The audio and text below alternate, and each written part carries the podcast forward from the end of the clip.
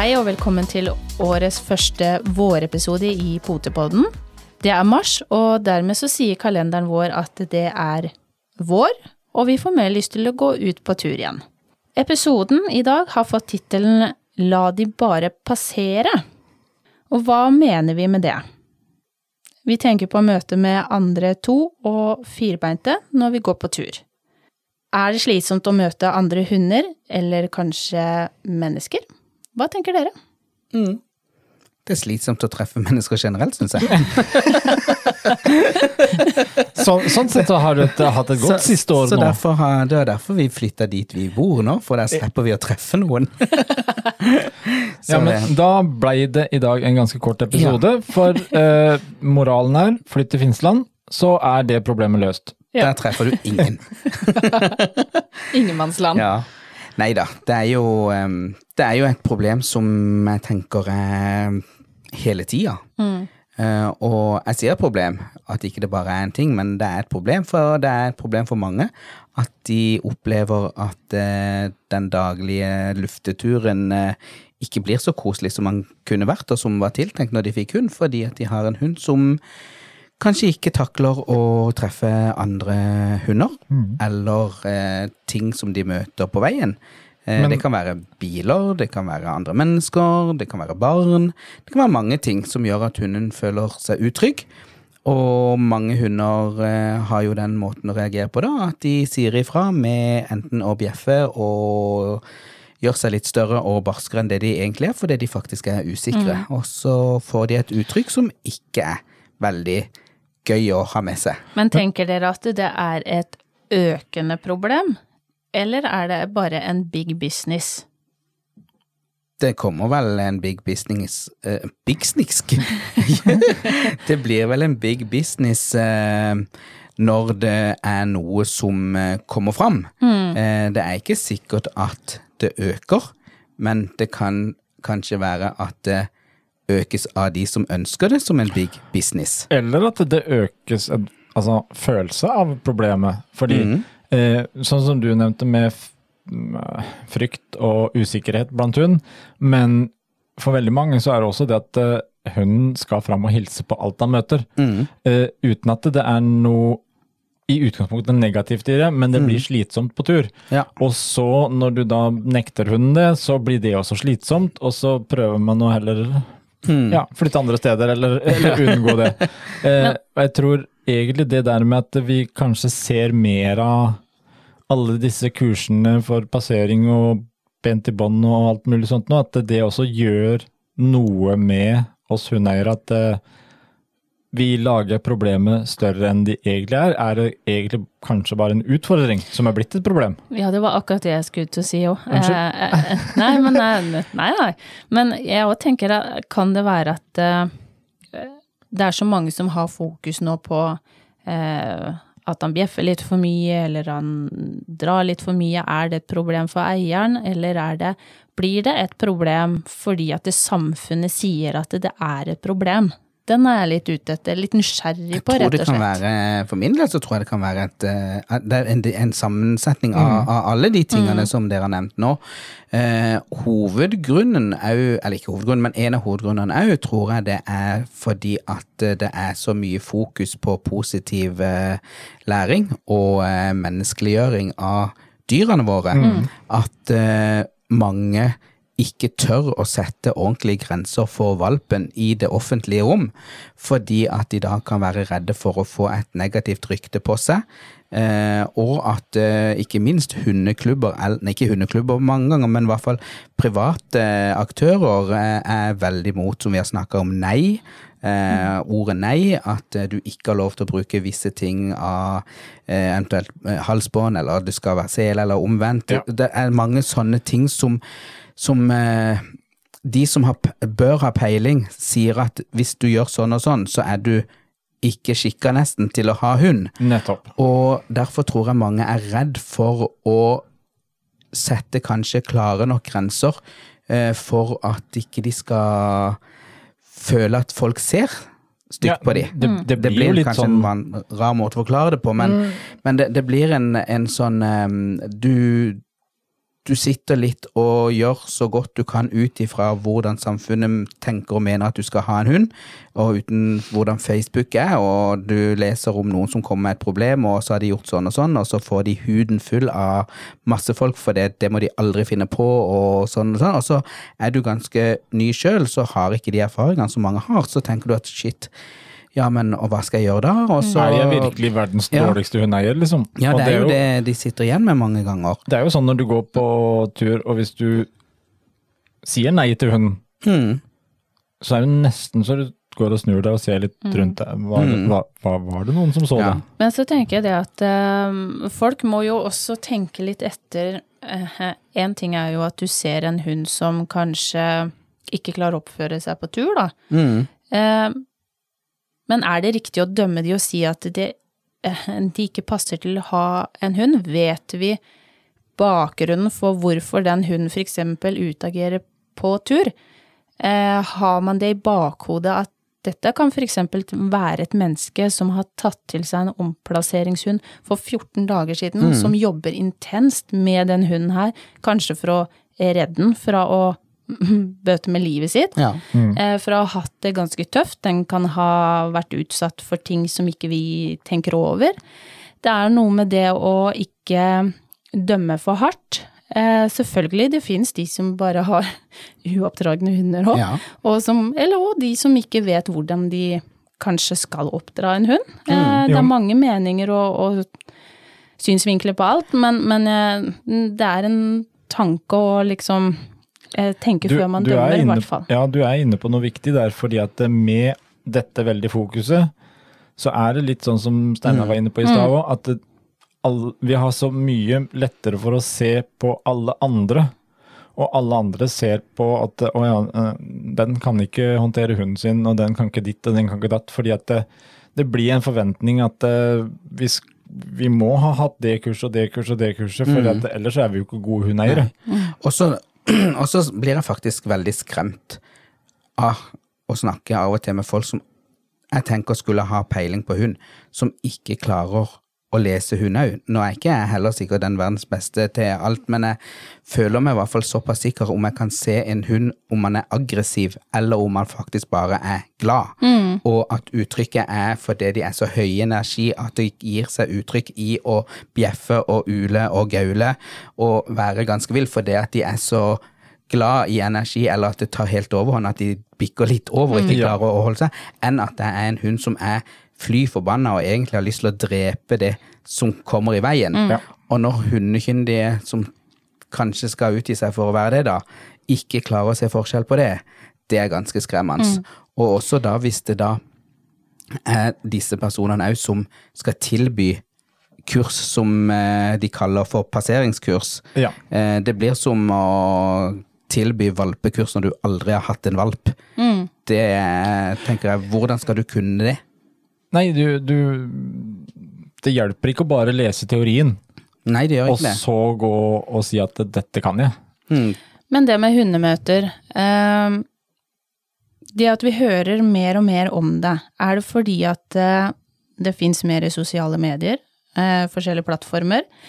Eller kan det også være det at flere og flere tør å snakke om det? For jeg, jeg syns jo veldig ofte at det når man snakker med folk, enten om de har hunder som knurrer på bord på en utstilling, eller om det er hunder som eh, ikke oppfører seg helt når de går tur, det er veldig tabubelagt. Man snakker ikke om det, det er fryktelig vanskelig å eh, nesten spørre om råd og sånn, fordi man vil jo helst bare skjule det, og man går ut på de tidspunktene av døgnet hvor man vet at det ikke er eh, kanskje så stor sjanse for å møte på mange, mange andre hunder, da.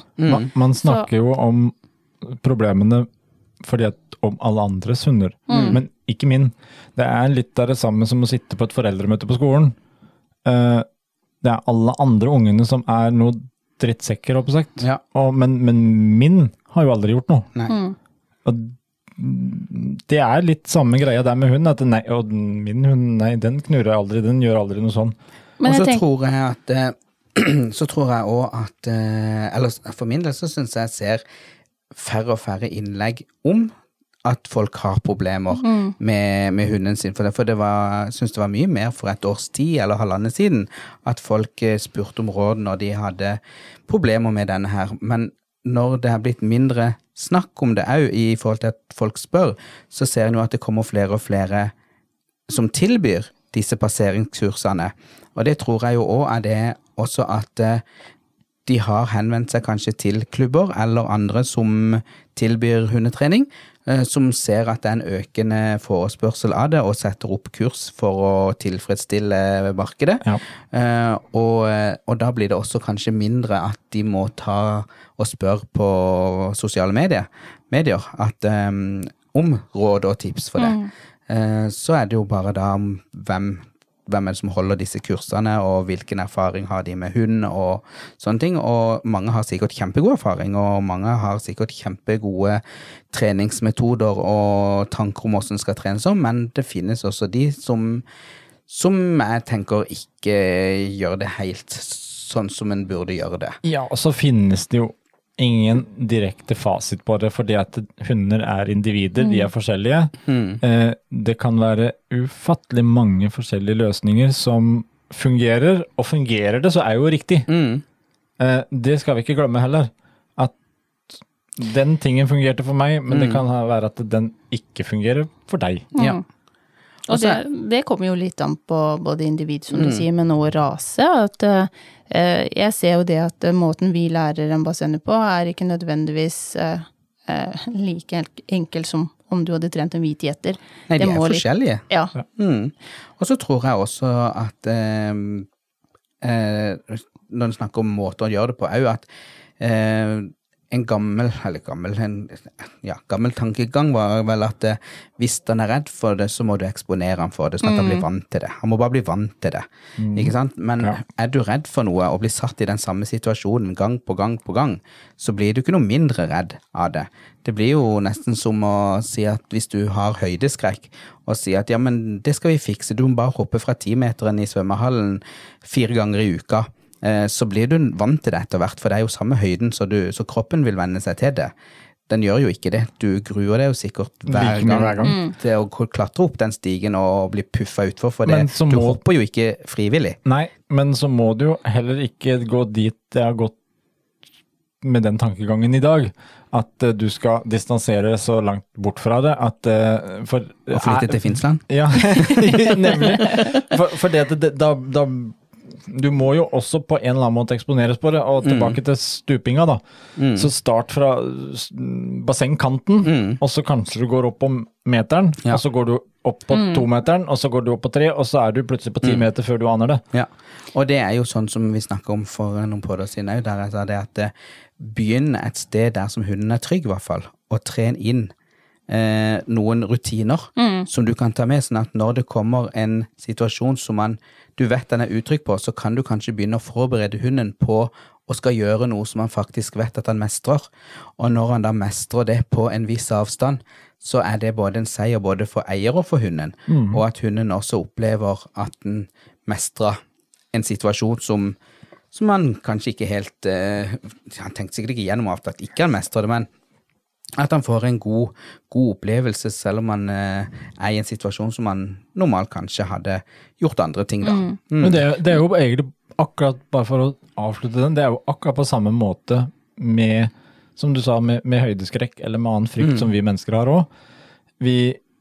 Det handler om mestringsfølelse. Mm. For plutselig så får vi det til, og så er, vi, er ikke den frykten der i det hele tatt igjen.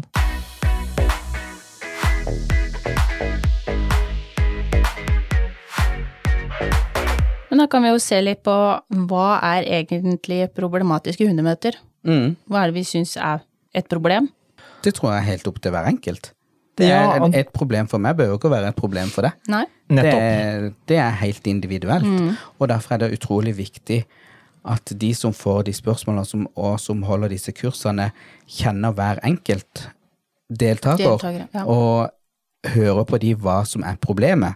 Hva er det de definerer som et problem? Eh, og da tenker jeg da må en ta utgangspunkt i det og legge opp et opplegg for at det problemet ikke finner et annet problem som kan passe bedre inn i en setting eller noe sånt. Men, men jeg tror det er viktig at, eh, at de som har problem, får hjelp med sitt. Ja, og, og at man definerer for seg sjøl hva, Mm. hva, som, hva som er et problem og ikke et problem. Ja. Men Eh, der sånn kommer det du jo igjen inn på det som vi sa i stad. Eh, Er det er det et problem, eller er det En en utfordring? utfordring? Mm. Fordi at det, det er ikke Og det er litt der også, jeg syns det blir fremstilt litt for mye eh, Hvis du ser på en del av markedsføringa, også av eh, sånne passeringskurs, så er det gjerne en eller annen utagerende hund. Mm.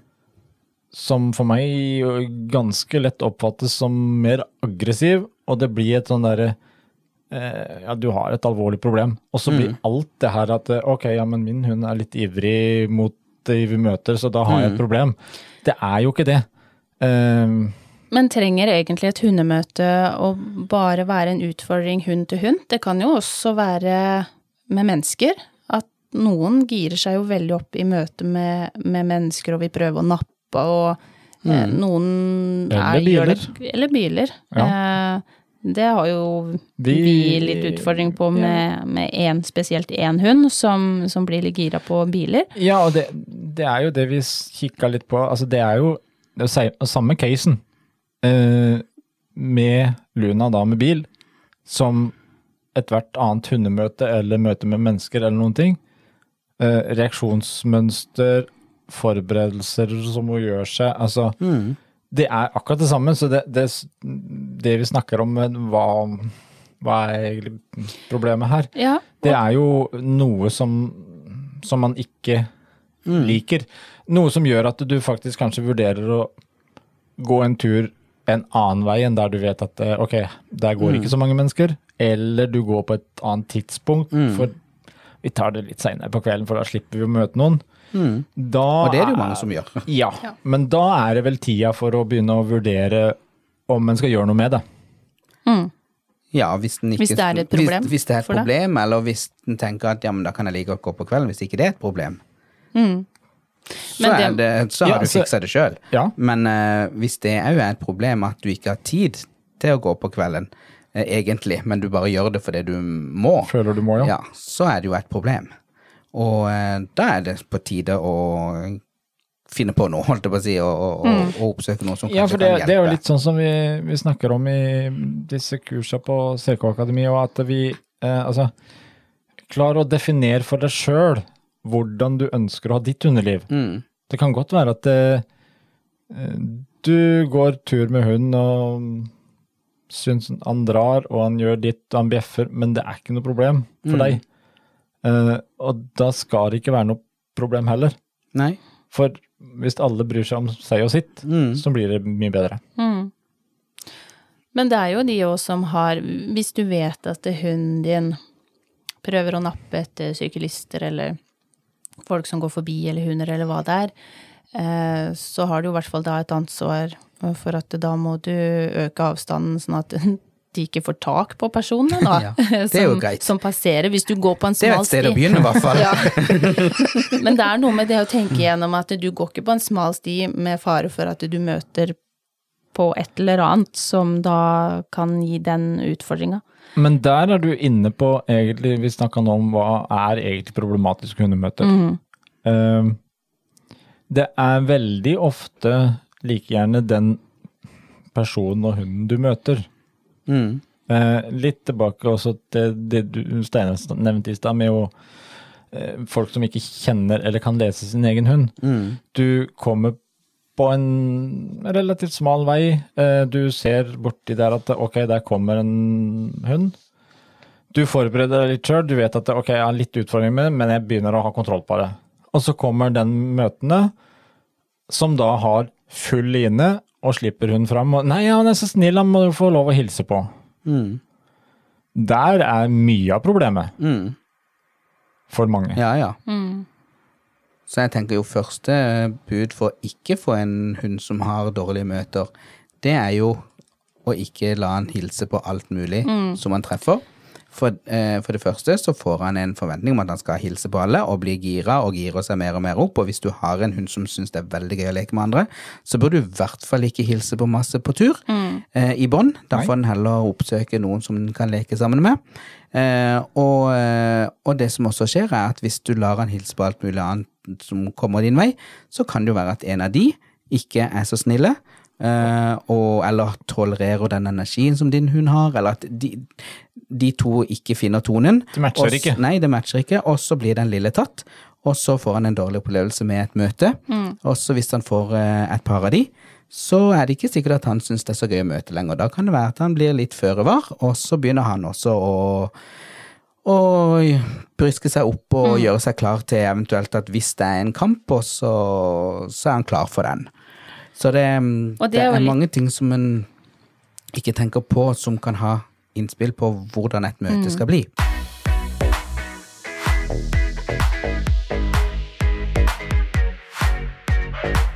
Da en av de punktene som, som jeg har satt opp på, hvorfor oppstår slike situasjoner, og det har vi jo vært litt igjennom nå. Eh, Det kan være deg, det kan være hunden din, det kan være dere som et team, det kan være dem du møter.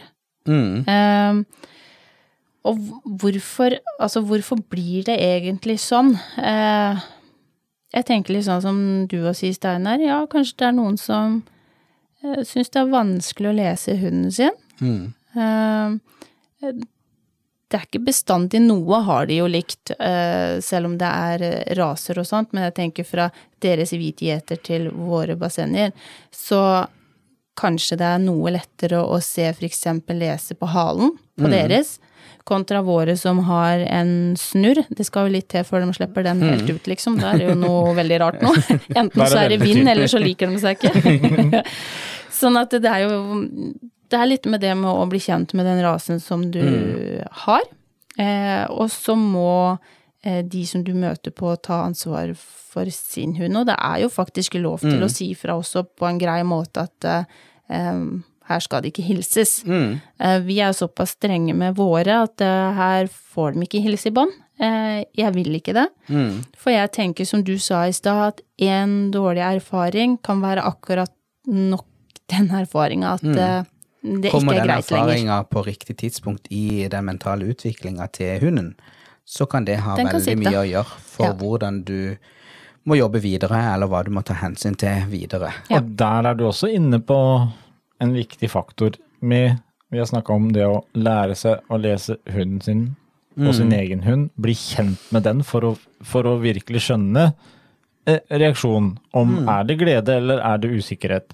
Også ikke minst det med de ulike fasene. Mm. For alle de som vi nå har sendt ut valper til, og vi håper at det skal slippe å melde seg på noen passeringskurs om et eh, års tid. Mm. At de på en måte blir kjent med valpen og, lærer seg litt til hvilke faser den er gjennom opp igjennom. Mm. Og det er jo, altså når du kommer opp eh, litt i den der tenåringsfasen, at man er litt forsiktig, at man i hvert fall da ikke utsetter de for noe. Så jeg tenker jo at er et tips til hvis du har en hund som du tenker at har et problem med det, eller at du føler sjøl at dette er et problem for meg, og jeg har ikke lyst til at jeg har lyst til at det skal være en tur uten at den skal stå på to bein i båndet og flerre og snerre og bjeffe og være helt gal. Eh, så er det jo først eh, å tenke etter om, om man er redd, eller om man er bare veldig gira. Eh, og, uan, og uansett hvilken ting det er, så bør du ta deg noen turer som Og ikke sette den i situasjonen, men oppsøke litt eh, steder der det kan være at det kommer noen møter, for å kartlegge hunden. For det er jo også av og til når jeg skal hjelpe noen, så spør jeg kan vi møtes, og så må jeg bare se hvordan hun reagerer, hvor langt er vi når hunden begynner å gjøre seg klar, hvor langt er vi, eller hvor nærme eller langt ifra er vi før hunden begynner å lage lyd, og hvor nærme er vi, eller langt ifra er vi før hunden tar helt av. For det er avgjørende for hvordan vi skal begynne å trene. Og da er det veldig greit hvis du sjøl har eh, oppsøkt noen steder og, og skikkelig dokumenterer hundens oppførsel. Når begynner eh, mankekammen holdt på å si, å reise seg? Når begynner hunden å stramme seg opp i kroppen sin, og når begynner han å knurre, og, og sånne ting. Da har du et lite bilde på hvor, hvor er grensa for denne her hunden før det eskalerer, og så må en begynne å trene derifra. Og så kan det være greit å enten få med seg noen som, eh, som du vet kan godt hund, eller en eh, hundetrener. For noen syns jo det er vanskelig å kartlegge det sjøl òg. Mm. kanskje de blir så oppkava i situasjonen eh, i møte med andre hunder at eier selv faktisk ikke klarer å se slikkinga rundt eh, munnen, eller at eh, de snur på hodet, eller ja, ikke sant? Sånn at eh, Men der har du også en den- ting i forhold til det når vi snakka om nå med hvorfor oppstår slike situasjoner. Mm. Det er ikke alltid heller at det er skal jeg si, hundens feil, da. For du, hvis du som hundeeier er litt sånn tenker å ja, nå, nå kommer en hund, nå må Du jeg være forsiktig, klar, liksom. Du gjør deg klar. Mm. Da har du garantert sendt ganske mange signaler gjennom det båndet, og da er det egentlig Da har hunden fått signaler om at nå må jeg forsvare flokken min. Nå, må, nå, nå, nå er eieren min nervøs, nå, eller usikker, eller spent. Altså, han merker det der så tydelig at da kommer hunden i modus til at ok, her er det noe jeg må passe på. Men der tenker jeg vi som hundetrenere, Steinar, eh, vår viktige rolle er jo å kunne veilede eh, de som har hunden, som når vi ser at eh, her ligger det på kanskje mer person enn hunden, Ja. men uten å på en måte sable de ned, og at de skal bli lei seg, og at de skal bli trygt opp. Er, Mm. Som hundetrener så skal man jo prøve å hjelpe å løfte de opp og få eierne til å få nok selvtillit til å kunne klare å ta tak i problemet. For Mm. Man det er klarer jo ikke å tenke klart hvis du bare får huden full. Nei, og det, og det er derfor jeg sier også at eh, ta noen turer og sett hunden litt i situasjonen. Fordi da er du obs på at denne situasjonen kommer til å oppstå. Ikke ta det mens du går tur sammen med noen venner eller noen andre, også mens den går og snakker, men ta en tur alene, noen turer alene, og oppsøk et sted der det gjerne et eh, litt stort område der du gjerne kan treffe en hund, eller det går en hund kanskje 20 meter ifra, eller sånn. Og så, som jeg sier, se på hunden. Prøv å analysere hunden litt om hvordan den reagerer. For du vet jo at han vil reagere, men da er du forberedt på det, og da er det en misjon med det. Da er, da er du litt mer sånn mer obs på andre ting enn akkurat det plutselige utfallet eller ikke sant, sånne ting. Og da er du litt føre var. Da er, Ja. altså, men, og det er vel også kanskje mye av grunnen til at sånne situasjoner oppstår.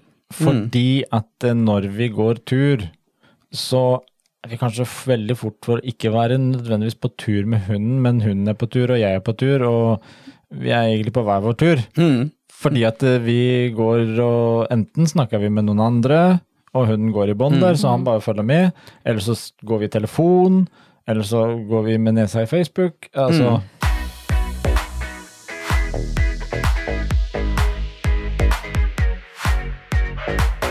Men, men hvordan kan vi unngå å havne i den situasjonen? For der tenker jeg eh, Jeg har vært eh, med på noen treninger eh, hvor vi har gått med hunder på forbipassering.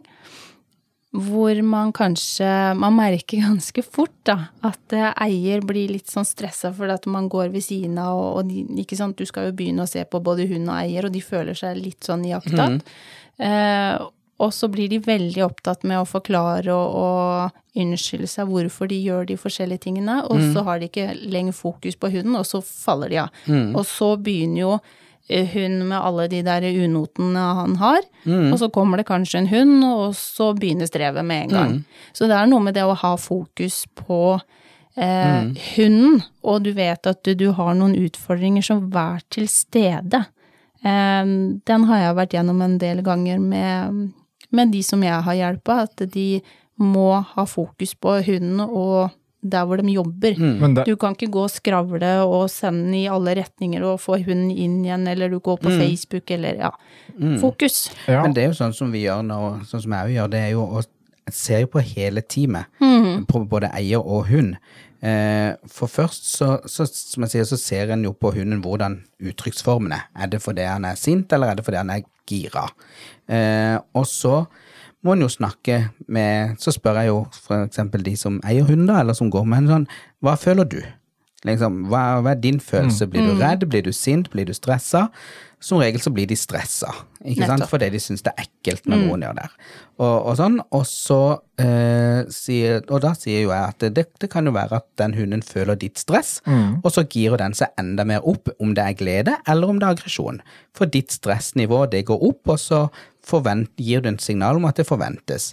Eh, og så kan jeg godt ta hunden som ikke har noen forventning, og hunden har ikke noen forventning til meg, og prøve å gå en liknende situasjon, og så skjer det ikke så mye. Eh, det skjer seinere. Det kan være at jeg kommer såpass nærme et sted at det allikevel skjer. Men, eh, men eh, jeg kan kanskje gå nærmere for det at hun har ikke noe eh, formening om hva jeg gjør for noe, og jeg har heller ikke noen forventninger om at den skal gjøre noe. Sånn at eh, det energinivået, det er så mye mer utjevna. Sånn at eh, det å bevisstgjøre eierne òg, som dere sier, det er jo kjempeviktig. Og eh, det som eh, det som er viktig da, det er jo at vi som trenere, vi må ikke være redde for å si hva vi ser. Og det var som jeg hadde en hund eh, som eh, eier sa, at, eh, at hun var redd, redd for at hunden skulle gjøre noe. Ja. Så hun, hun var redd når sånt skjedde. Mm. og hun var livredd for at hun skulle miste hunden, for hunden var begynt å bli så sterk at eh, hun hadde en gang blitt uh, dratt over ende og mista hunden. Og da hadde hunden løpt bort til den andre og hoppa på, og den andre hadde heldigvis ikke gjort noe særlig, for hun Nei. fikk tak i, i hunden såpass fort. Eh, men det hadde satt en støkke i henne igjen. Så der måtte vi jo nesten begynne med å trene henne. At mm. vi skulle finne et sted der det var, var andre hunder. Eh, den ene gangen så brukte vi våre egne. Eh, da gikk Kristoffer med én hund, og så var hun et annet sted. Og da skulle hun bare lære seg til å slappe av, holde i båndet og slappe av på avstand. Sånn at hunden så Så måtte jeg si til henne liksom Ser du nå hunden? Se hvordan halen er. Se hvordan ørene er. Nå er hunden bare i romodus. Nå, nå ser han bare på den andre hunden. Nå gjør han ikke noe, ikke sant? Nå kan du slappe av, for jeg så jo at hun sto og liksom tvi- tviholdt nesten på vannet. Ja. Klar, klare. Ikke gjør det, bare stå. Prøv å puste, ikke sant? Men du er jo inne på der det som egentlig nesten gjelder i all hundetrening. Mm. Eh, vi, det, er jo, det er jo den tobeinte en må trene. Fordi at det, Mm. Ja. vi må lære oss å lese hunden, Mm. vi må lære oss å kommunisere med hunden. Og jeg vil jo også påstå at alt dette er fokuset på passeringskurs Mm. og sånt nå, eh, det hjelper ikke så mye. Fordi de starter rett i problemet, istedenfor å gå ut der og gå tilbake. Skal du i det hele tatt løse det, så må du jobbe med kommunikasjon og relasjonen din til hunden. Mm. Og altså, du må starte fem trinn lenger Ja. bak. Og er har du det, jeg- så løser du hele Og det som jeg sier òg, at eh, lær de noen kommandoer som de kan godt, som du kan bruke i forkant av en situasjon. Når du ser en annen hund, så vet du Oi, nå er den såpass nærme at den, min hund vil snart begynne å gjøre noe. Da må du Nesten før det så må du begynne å trene på den kommandoen eller den oppgaven som hunden skal gjøre for å ha kontakt med han. Eh, Og du er litt tilbake til det du, vi snakka om i starten. Eh, det der med når man sier nei og ser rundt seg og altså eh, Mye, Mm. tror jeg, at problematikken med Ja. passeringsproblemet er også det at vi har fjerna det oppdragelsen og det å stille krav til hunden. For har hunden lært seg eksempel nei? Mm. Og nei er at det, ok, nå skal jeg avbryte det jeg holder på med. Mm. Så er jo ikke heller et passeringsmøte noe problem. Mm. For hvis hunden kan den, så, så skjer det jo ikke noe. Nei. Men hvordan kan, vi, hvordan kan vi jobbe for at vi ikke kommer i den situasjonen her med en valp? Begynn å trene. Ja. Kontakt. Men er jo begynn ikke- tidlig. Begynn å trene fra dag, fra dag Ja. én. Også, Med en gang hunden kommer hjem, og det er ikke snakk om at den skal lære å sitte med en gang, men begynn å trene på rutiner som du vil at den skal ha. At eh, du eh, For eksempel, ja, første dagen, da. At eh, den skal læres å bli håndtert. Ikke sant? Ta den på fanget, løft den litt opp, ta en børste, grei litt igjennom den forsiktig. Eh, vær, eh, gi han holdt på å si, kjærlighet, sånn at han bonder til deg fort. Sånn at han fort får tillit til at du er der for den. At de ikke må ta avgjørelser sjøl. Og hvis den bruker de første dagene til å bonde sånn, så vil også hunden ønske å være i nærheten, og da får du en dilter. Eh, og jeg tenker, hvis hunden velger å dilte etter det, så har du et veldig godt utgangspunkt, for da anser han deg som en, Ja. en leder, holdt Ja. jeg si, til å Der vil jeg følge. Så, så mange kan tenke å, han dilter etter hele tida. Ja, men vær veldig glad for det, da. For da anser han at du er en person som han kan stole på. Det handler jo mye her om å begynne å bruke tid. Altså, eh, Men her snakker vi jo kommunikasjon Ja. og kontakt og sette krav. ja. Og så må du sette krav selvfølgelig etter alder på hunden eller Ja. valpen. Jo, men kravstilling, den, den kan du begynne med nesten fra dag én. Ja. Eller si da, i Ja. hvert fall dag fire, da, så har du bånda litt først. Ja. Og så må også hunden lære seg til å sette krav. Eller å bli stilt krav til, og skjønne at eh, eh, På lik linje egentlig som vi snakker om, og har snakka om tidligere med innkalling. Innkalling er noe vi bruker å lære fordi at den, det er en god forsikring hvis noe oppstår. På samme måte så har du også det med nei. Ikke bare Altså, nei skal ikke være bare noe du slenger rundt deg hele tida, men at, det, at hun skjønner at det, ok, nå var det Nå skal jeg stoppe. Og om det er han skal slippe det han har de tatt i munnen, eller om det er å gå dit, eller gå, hva han gjør. Men, men det med oppdragelsen, det altså Det er jo det vi har snakka om og sett nå på Tispa, som oppdrar valpene sine. Det er verken noe eh, godbiter eller masse skryt og sånt noe der. Det er kort og brutalt en eh, kjeft over nakken når de ikke oppfører seg. Men jeg tenker jo alle de tingene her med å, å stille krav til de, eh, kontakt, eh, trener i alle de tingene her mener jeg må på plass før du kan begynne å jobbe med passeringa. Mm. Altså, Ja. hunden må jo klare å få noe kontakt med deg som eier på et vis, eller så jobber du jo bare for døve ører. Altså, de vil jo fortsette, og du sliter og sliter, og du blir dørgende sliten, på lik linje som hunden. Ja, og Og er, så blir jo progresjonen veldig Den går ikke fort, for å si det sånn. den går ikke sånn. fort, og den går ikke framover, fordi Nei. at eh, begynner du da i en situasjon hvor hun allerede har gira seg opp på skalaen, så er den jo ikke mottakelig. Eh, Mm. Nei, det har vi jo noen eksempler på. Ja. Lukker ørene. Og det handler om å komme, altså, være tidlig nok ute. Der igjen så kommer det det der med at du er nødt til å kunne se og lese hunden din. Uh, se litt sånn som på Luna, for eksempel. Tilbake til det da når hun møter biler.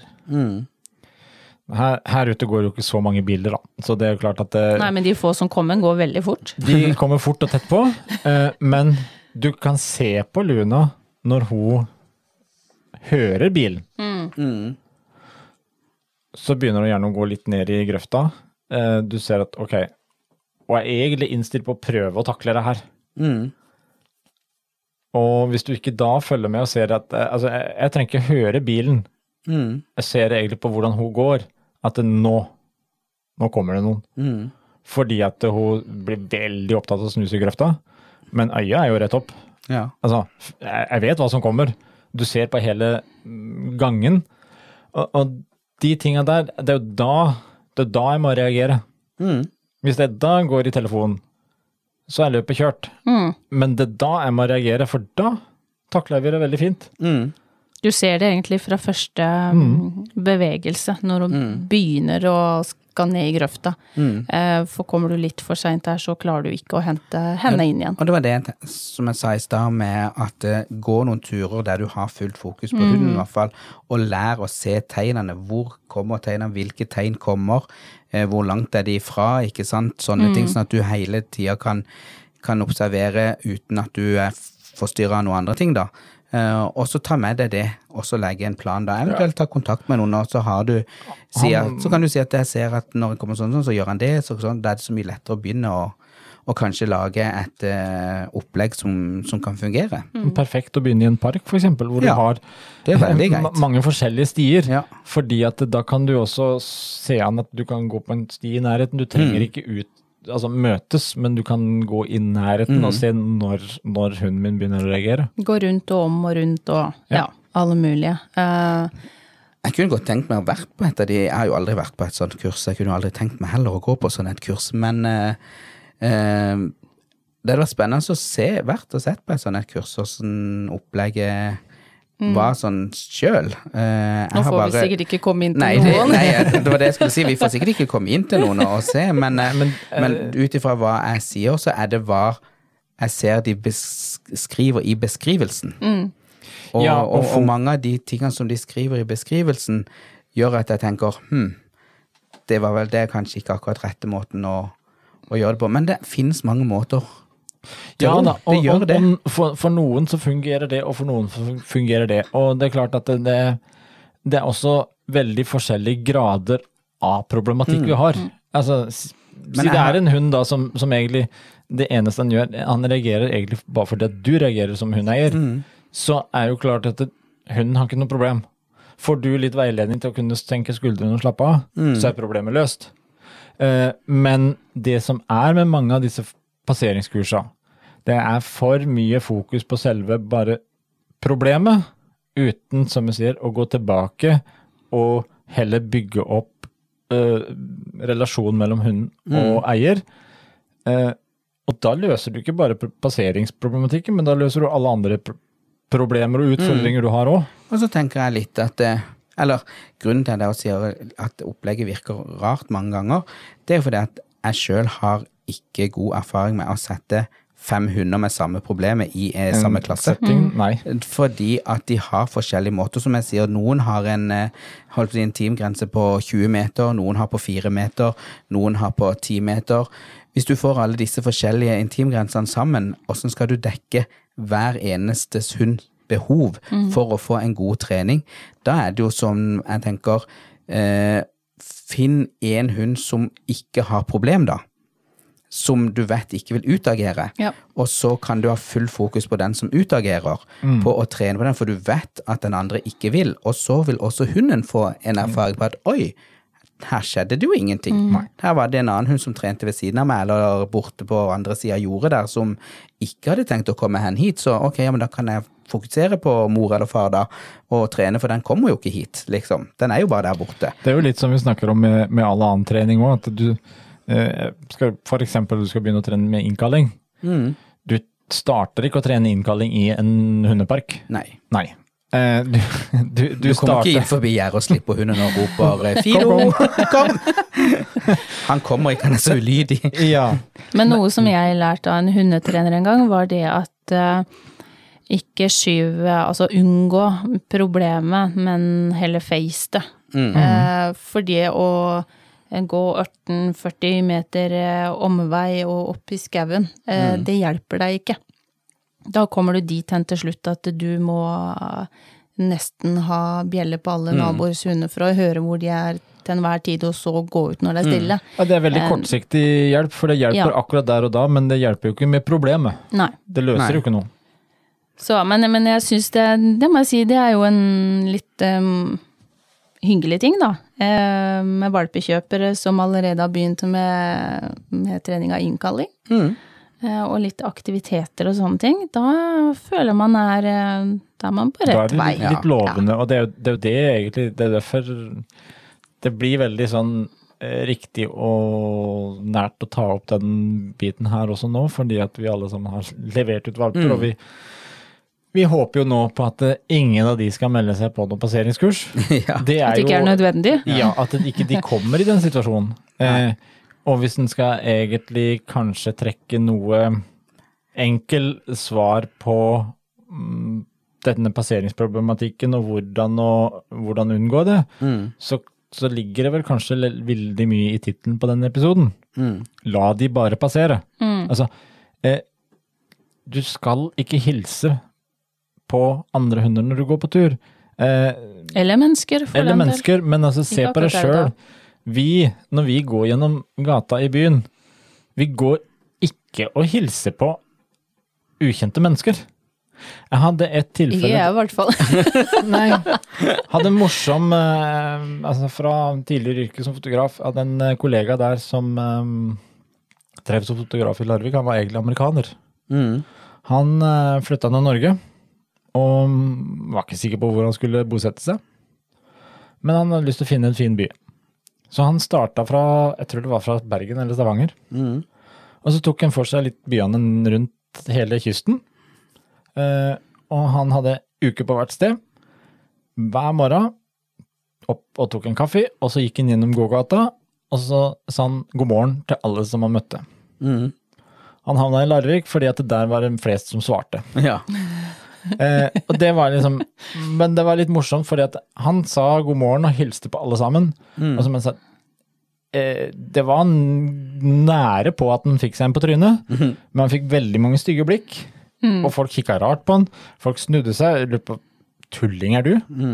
Og det er jo egentlig Ingen av oss hilser jo på fremmede når vi går på tur. Men så fort det er en hund, ja, da skal alle hilse. ja. Jeg har faktisk blitt eh, Vi har jo et område her i, i Mandal som heter Furulund, som er ganske kjent, hvor det er mange stier, og man kan jo gå til alle endes med Er det elleve strender eller noe? Sa jeg feil nå? Det er elleve strender. Sikkert. Ja, så jeg ikke blir hengt.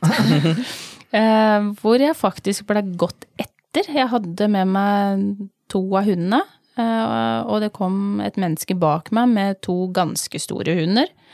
Eh, hvor jeg prøvde å gå til sides. Eh, tok en annen stikkevei. Eh, fulgte etter. Og jeg tenkte nei, men i svarte, la meg være. Eh, og stoppa. Da stoppa jo han ganske tett bakpå, han bare sto og kikka, og jeg liksom hva, hva er det du vil? Ja, nei, de kan vel hilse. Jeg bare nei, det kan de ikke.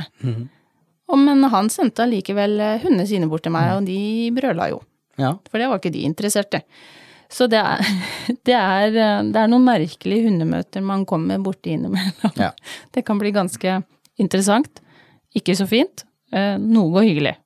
Men eh, Det er lov å si nei. ja, og Eh. bruk sunn fornuft, og det får vi jo ofte spørsmål, eller ikke spørsmål, vi opplever at eh, valpekjøper sier åh, ja, vi gikk der og der, og så møtte vi en hund, og jeg sa at jeg ikke ville at den skulle hilse, men, men de respekterte det ikke. Og så syns de det er litt sånn kjipt og vanskelig å bli litt sånn eh, hard og bare si klart ifra at nei, jeg vil ikke. Men jeg tenker Hvis noen gjør det, så syns jeg de er dødskule. Jeg syns det er de beste, Ja. beste hundeeierne du kan få. Det er de som tør å si nei. Og tør å si at vet du hva, akkurat nå har jeg ikke tid. De kan ikke det. Akkurat nå trener vi på å ikke hilse, så nei, du kan ikke. Det der- er de hundefolkene som får resultater. Mm. Ja, men det er det. Og der har du det ene ordet som kan være veldig greit for iallfall ferske hundeeiere, ferske valpeeiere å bruke. For nei, du sier bare at nei, han kan ikke hilse, han er under trening. Mm. Det er helt utrolig rart hvor det ene ordet med trening, det gjør at faktisk da begynner flere å respektere noe, enn om du bare sier nei. mm. Ja, det, kan være er helt lurt sant. triks. Men jeg tenker kanskje vi skal avslutte um, denne episoden med å si som Steinar. Vi tar bølgen for alle de som faktisk tør å si ifra. Eh, Og la Og de ha- bare passere? og la de bare passere, Ja, og ta ja. ansvar for uh, sine egne hunder. er vi det vi. enige, folkens? Yes. Ja. Vi snakkes.